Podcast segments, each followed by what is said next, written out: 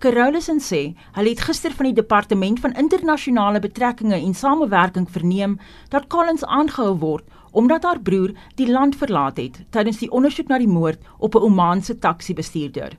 Geen klagtes is tot dusver teen Collins of haar broer ingedien nie.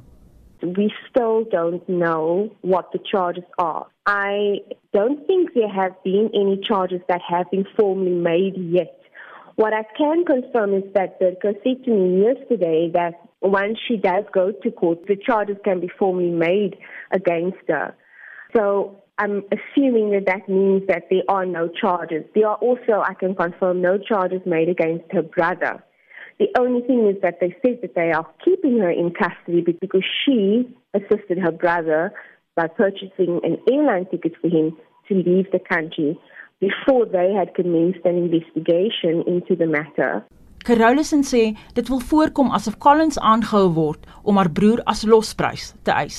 When there was communication between Chloe and the family, that is what Chloe had informed the family that the officials who had interrogated her said, listen, tell your brother to come back and then we'll send you home. That was what we had heard from Chloe. However, in the official report sent by the authorities in Oman, they said that they are holding her because she bought her brother a plane ticket to come back home. Sy sê hulle is oorweldig deur die steun wat hulle tot dusver gekry het en kon daarin slaag om 'n regsverteenwoordiger in Oman te kry om Collins te help.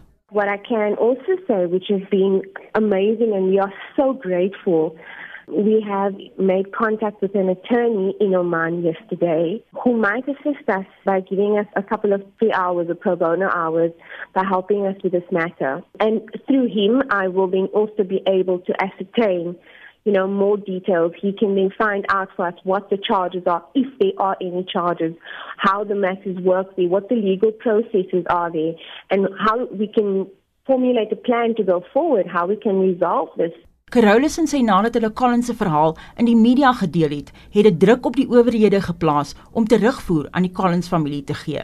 Today, the only department that has gotten back to me was DIRCO, was the Department of International Relations. And insofar as any concrete assistance can be given, and when I say concrete, I'm, I mean obtaining the services of an attorney, getting the charges so we can see what we are talking about. We don't just want a little report here and a little report there, although I am grateful. I'm grateful that DIRCO has managed to obtain that. Even though it's 100 days later, I'm grateful for it because it puts us in a direction. Colin se broer is met skizofrenie gediagnoseer en is tans in die hospitaal. Carolusen sê die Collins gesin is in twee geskeur. They love both of them and this is an impossible situation I think for any parent to be caught in. I think this is a sad situation and you know they are very concerned for both their children. They are very worried and they are basically standing and waiting for help to come their way because whatever they could have done so far, they have done. Try to gain some money by selling food, whatever they could do. They've been working tirelessly, efficaciously, trying to reach out to people and do everything that they could have done for both their children in the situation.